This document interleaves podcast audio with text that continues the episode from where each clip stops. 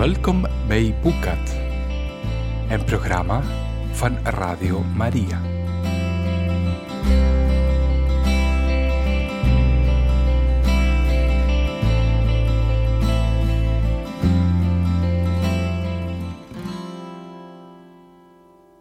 Welkom, beste luisteraars, voor een nieuwe aflevering van Boekat. We lezen vandaag uit het boek van Tessa Afshar, schrijfster aan het Perzische Hof. God? Darius nam me bij de hand en we begonnen in de richting te lopen van een klein houten prieeltje dat overdekt was met laatbloeiende witte rozen. Bardia weet niets van God. Dat weet ik ook, maar God verwijst soms naar zichzelf als tuinman en naar Israël als zijn wijnrank. Toen Bardia me het mysterie van de wijn uitlegde, was het voor mij alsof de God van Israël mij liet zien hoe hij het lijden in mijn leven voor mijn eigen bestwil kon aanwenden. Darius liet zich op het marmeren bankje in de schaduw van het prieel zakken en trok me mee omlaag. Hij tilde mijn hand op, bracht die naar zijn lippen en drukte er een tedere kus op. Ik heb je zoveel pijn gedaan. Het spijt me. Mijn mond viel open bij zijn onverwachte excuus. U had, toen we elkaar net leerden kennen, reden genoeg om zo boos op me te zijn. Ik moet een vreselijke teleurstelling voor u zijn geweest. Er verscheen een scheve grijns op zijn gezicht. Met woede en teleurstelling kon ik nog wel omgaan. Wat mij zo dwars zat, was hoe mijn gevoelens veranderden. Wat bedoel je? Toen ik naar huis terugkeerde om jou mee te nemen naar Ekbatana, had ik nog steeds een enorme hekel aan je. Maar tot mijn verrassing trof ik een charmant, beheerst wezen aan, in plaats van het monster dat ik verwacht had te zien. Mijn hekel werd nog groter door je schoonheid. Ik wilde helemaal niets aan je hoeven te bewonderen.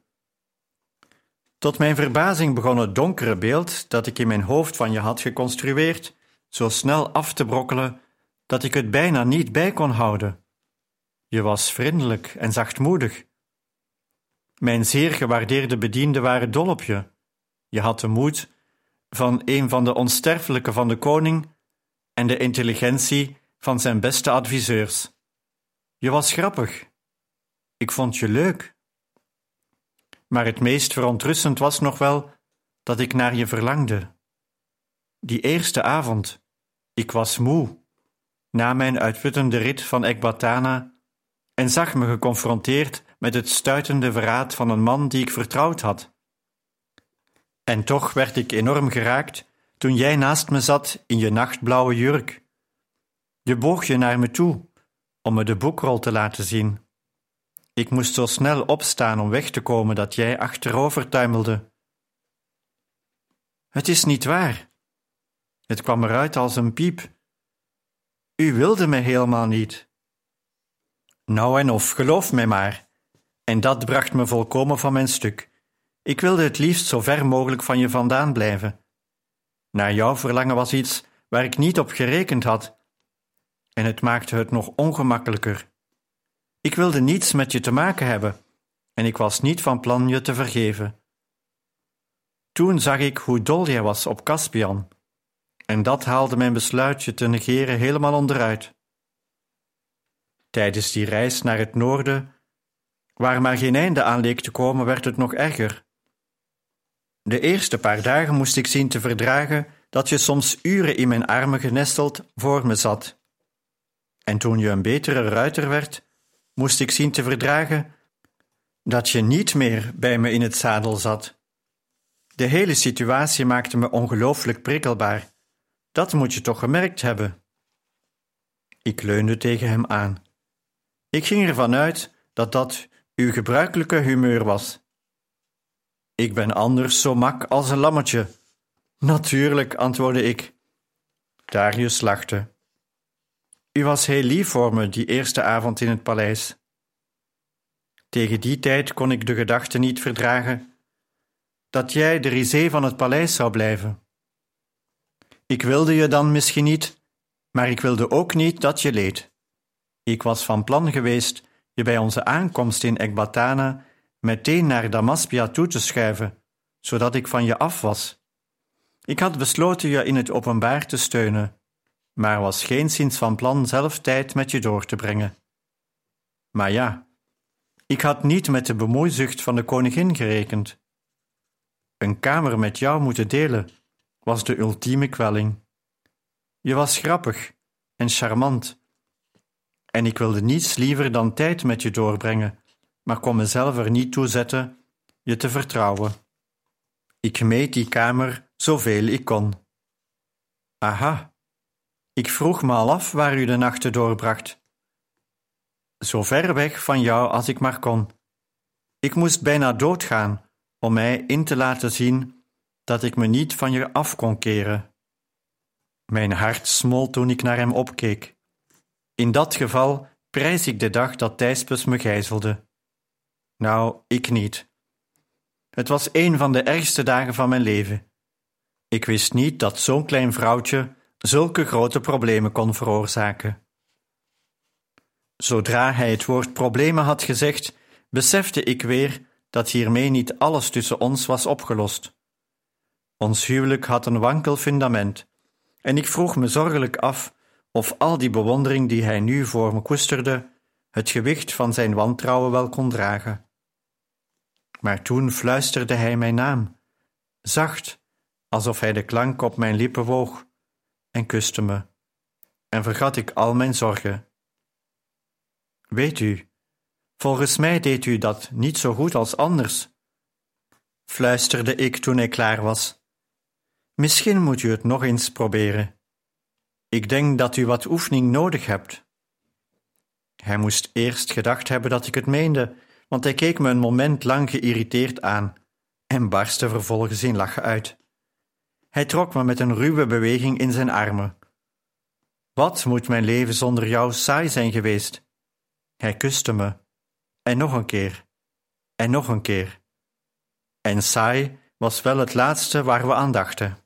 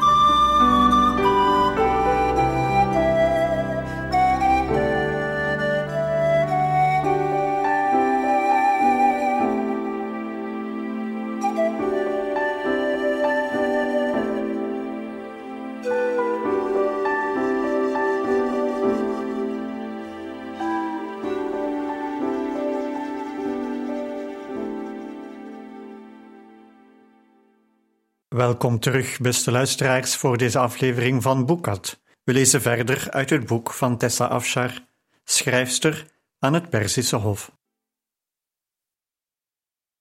Die avond dineerde ik alleen met mijn man.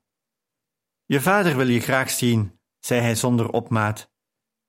Ik verslikte me bijna in een stuk lam. Mijn vader! Kunnen jullie niet met elkaar overweg? Het ligt moeilijk. Ik was boos op hem, omdat hij het huwelijkscontract had getekend, dat hij mij niet probeerde te beschermen. Dat kunt u niet begrijpen. U zat in dezelfde positie, maar verweet het uw vader niet. Wil je dat ik hem wegstuur? Weg? Is hij hier? Ja, zei ik dat niet? Hij verscheen eerder vanavond en vroeg mij om toestemming. Ik stond zo abrupt op dat mijn bord bijna van tafel viel. Waar is hij? Ik heb hem naar jouw kamer gestuurd. Mijn vader stond voor een muur en bestudeerde het wandtapijt. Toen hij me binnen hoorde komen, draaide hij zich om. Ik ging ervan uit dat hij aan de andere kant van de kamer zou blijven, dat hij afstand zou bewaren. Maar hij liep met aarzelende voetstappen naar me toe. Sarah, zei hij verbaasd. Ik was vergeten hoezeer ik veranderd was sinds hij me voor het laatst had gezien. Ja, vader? Maar wat, wat ben je mooi? Ik had dat compliment de laatste tijd vaker gekregen, maar het raakte me nooit zozeer als nu. Ik liet mijn blik zakken om de tranen in mijn ogen te verbergen. Tot mijn verrassing overbrugde hij de afstand tussen ons en vouwde zijn trillende handen om de mijne. Kind, is zij goed voor je? Ben je ongelukkig? Want als dat zo is, neem ik je meteen mee, als je dat wilt. Het kan me niet schelen dat die man verwant is aan twaalf koningen. Ik kan de gedachte niet verdragen dat jij ongelukkig bent. Ik keek hem aan, kon het bijna niet bevatten. Zou u dat voor mij doen? Ja, laten we meteen gaan, kom. We vertrekken onmiddellijk. Ik heb een neef in Bactria, waar we vooralsnog naartoe kunnen. Daarna kijken we wel verder. Wat? Nee, ik bedoel, ik ben gelukkig, vader.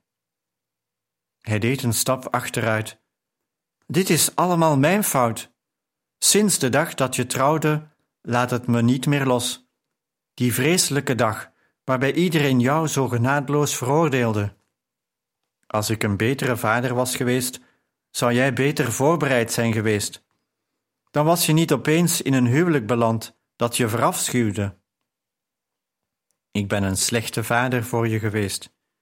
Ik heb je verwaarloosd, ik weet het. In mijn onnozelijkheid heb ik zoveel verkeerd gedaan. Mijn eigen lieve dochter. Ik weet niet hoe ik je moeder onder ogen zou moeten komen. Tot mijn schrik begon hij luid te snikken. Vader, zonder erbij na te denken, omarmde ik hem in een poging hem te troosten. Aarzelend sloeg hij een arm om mijn schouder. Voor het eerst sinds mijn jeugdjaren hielden we elkaar stevig beet. De bitterheid en het verdriet van jaren werden met onze tranen weggespoeld. Ik dacht altijd dat ik een slechte dochter was, niet goed genoeg, op een of andere manier. Jij? Hij keek me verbaasd aan. Jij was perfect. Deed jij ooit iets fout? Ik was u tot last, zei ik, en ondanks al mijn gebeden kon ik de woorden nog steeds niet uitbrengen zonder weer in tranen uit te barsten. Ik was een humeurige schrijver die geen flauw benul had hoe hij zo'n bijzonder kind op moest voeden. Dat maakte jou toch niet tot last? Het maakte mij tot een gebrekkige vader. O Sarah, vergeef me alsjeblieft, vergeef me. Met heel mijn hart. Ik houd van u, vader. Toen onze tranen eindelijk op begonnen te drogen, deden we elk een stap achteruit. Mijn vader verraste me door mijn hand te pakken en me mee te trekken naar de deur. Laten we snel gaan, zodat we weg kunnen uit dit paleis. Buiten staat een wagen op ons te wachten. We kunnen de hele nacht doorreizen. Wat? Nee, vader. Ik wil helemaal niet weg. Dat zeg je alleen maar om mij te beschermen. Nee, ik zeg het omdat het waar is. Ik houd van mijn echtgenoot. Het is een goed mens. Echt? Ik schonk hem een waterige glimlach. Echt, ik zal hem laten halen zodat u hem kunt ontmoeten. Ik heb hem al eens ontmoet op jullie bruiloft. Niet een ervaring die ik graag wil herhalen. Hij is als olijven. Je moet er even aan wennen. Ga maar zitten, dan laat ik hem halen. Darius kwam zodra ik daarom verzocht had. Mijn vader vreest dat u hem levend zult verslinden, fluisterde ik in zijn oor. Wees aardig. Hij is gekomen om me uit uw vrede klauwen te bevrijden en mee te nemen. Ik kon hem nauwelijks tegenhouden. Darius grinnikte. Je weet ook nooit wat uit die mond van jou komt, zei hij zachtjes, en sloofde zich vervolgens uit om mijn vader voor zich te winnen. Nog voor het uur om was, had hij er een bewonderaar bij, alsof hij nog fans nodig had. Opgelucht stelde ik vast dat mijn vader en mijn man zich steeds makkelijker begonnen te voelen in elkaars gezelschap. Mijn vader vertrok die avond pas laat. Darius daarentegen bleef uren in mijn kamer hangen. Ik was al min of meer in slaap gevallen toen hij opeens rechtop in bed zat en daarmee de lakens wegtrok. Helemaal vergeten. Wat? vroeg ik met een stem zwaar van de slaap. Ik heb iets voor je. Voor mij? Wat? Nu was ik klaar wakker. Een cadeau dat ik je eerder had willen geven, maar je bent nogal afleidend. Hij sprong uit bed en verliet mijn kamer. Een paar minuten later zwaaide de deur van mijn kamer weer open. Darius liep naar me toe en drukte iets tegen zich aan, dat ik niet kon zien. Ik kwam nieuwsgierig overeind en schrok toen het iets in zijn armen opeens begon te bewegen. Een geelbruine pup met grote bruine ogen sprong in mijn armen, en ik hapte naar adem. Hij leek sprekend op Caspian, maar was een stuk kleiner. Ik zuchtte en drukte hem stevig tegen me aan. Ik hield hem voor mijn gezicht, dat hij meteen nog enthousiaster af begon te likken dan Caspian altijd deed. Nog voor ik met mijn ogen had kunnen knipperen, had hij mijn hart al gestolen. O, wat een heerlijk wezentje! Hoe heet hij? Dat mag jij bedenken. Hij heeft dezelfde ouders als Caspian. Toen we thuis kwamen, hoorde ik dat ze net een nest hadden en ik heb hem dezelfde dag laten halen. Is hij voor mij? Hij is je welkomstgeschenk. Ik weet dat hij Caspian niet kan vervangen, maar hij zal ongetwijfeld zijn eigen plekje in je hart weten te veroveren. Ik was met stomheid geslagen. Ik drukte het hondje tegen me aan en kuste zijn gerimpelde kopie. Ik wist dat ik eigenlijk Darius wilde knuffelen, maar was te verlegen om dat te zeggen. Ik verborg mijn gezicht in het zachte, wiebelende lijfje en zei: Dank u wel. Ik houd nu al van hem. Darius kwam naast me op het bed zitten en nam als altijd achteloos bijna alle plek in beslag. Hij klopte de kussens achter zijn rug op en ging er tegenaan zitten. Volgens mij zou grotere dankbaarheid hier wel op zijn plaats zijn. Je hebt geen idee hoeveel moeite ik moest doen om hem te bemachtigen. Damaspias mannen waren me voor. Ik grinnikte in gespeelde afschuw. En hoeveel dankbaarheid had u in gedachten? Heel veel. Voorzichtig zette ik het hondje op Darius' borstkas. Hondje, ga je meester maar eens goed voor mij bedanken. Met indrukwekkende gehoorzaamheid begon de pup Darius' gezicht te likken. Houd daar onmiddellijk mee op. Met een voorzichtige beweging zette Darius het dier op het bed en leunde wederom achterover in de kussens. Niet wat ik in gedachten had. Niet? Ik sloeg mijn armen om zijn nek en gaf hem een stevige knuffel. Beter? Mhm. Het is een begin. Ik bedekte zijn hele gezicht en nek met kussen.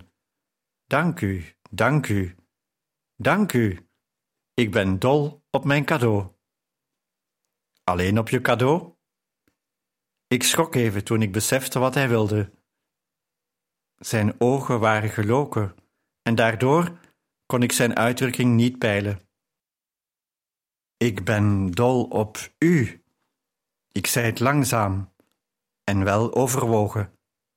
Ik houd zoveel van u. De lange lippen krulden op. Het is verbazingwekkend hoezeer ik ervan geniet je dat te horen zeggen. Dit keer was hij degene die mij in zijn armen trok.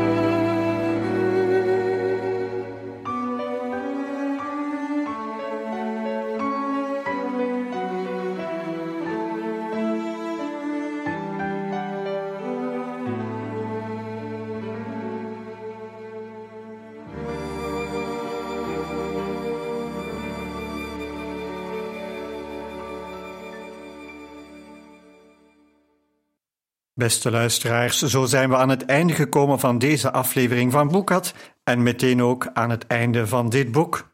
U kan het volledige boek herbeluisteren op onze website radiomaria.be. Morgen starten we een nieuw boek in dit programma.